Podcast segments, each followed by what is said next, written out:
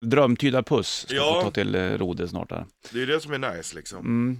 Hur, hur, hur gör du när, du när du tyder drömmar? Man går ju efter vissa riktlinjer då, som man får lära sig i den här drömtydarskolan då. All right. Vart har du gått den någonstans?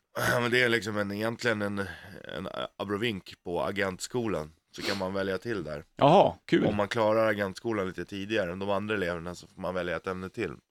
Då tog du drömtydning. Ja. Bra. Jag har, jag har en dröm som jag hade när jag var yngre, eller yngre, jag vet inte. Mm. Ja, det, är två, det, det är sjuka saker som jag kommer ihåg. En gång satt jag på i, i, i huset vi bodde, Ja. drömde jag att jag satt på bron, och så tittade jag ner mot stan så att säga. Mm. Vi bodde lite högt upp sådär. Mm. Då snurrade stan, Mm. men, men eh, våran gata stod still. Mm. Det var flummigt. Men det var häftigt som fan. Ja.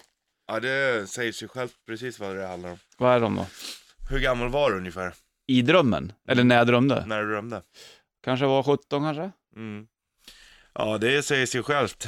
Eh, Polarna hade hamnat i målbrottet. Det hände skitmycket runt omkring det. Du själv hade fortfarande inte hår på penis. När jag var 17? Mm. Hamnade polarna i mål- målbrottet när man var 17? Nej, jag var innan. innan? innan. Jaha, så det här var liksom så att det Mm. hände efter? Det kan vara, även om du hade fått eh, hår på pille, pillesnoppen så eh, kan det vara det att det, kommer, det kan ju komma lite efter, du vet när man har sorterat ut och så. Och det händer mycket i polar. Polare kanske skaffar tjejer, Mm. du hade inte riktigt utan du Det, det var snurrigt liksom. Mm. Trevligt. Mm. Om jag kör lite så här drömackord, så kan du berätta hur du gör när du tyder allas drömmar? Ja. Puss? Sådär, då är det klart. Mer om det efter halv.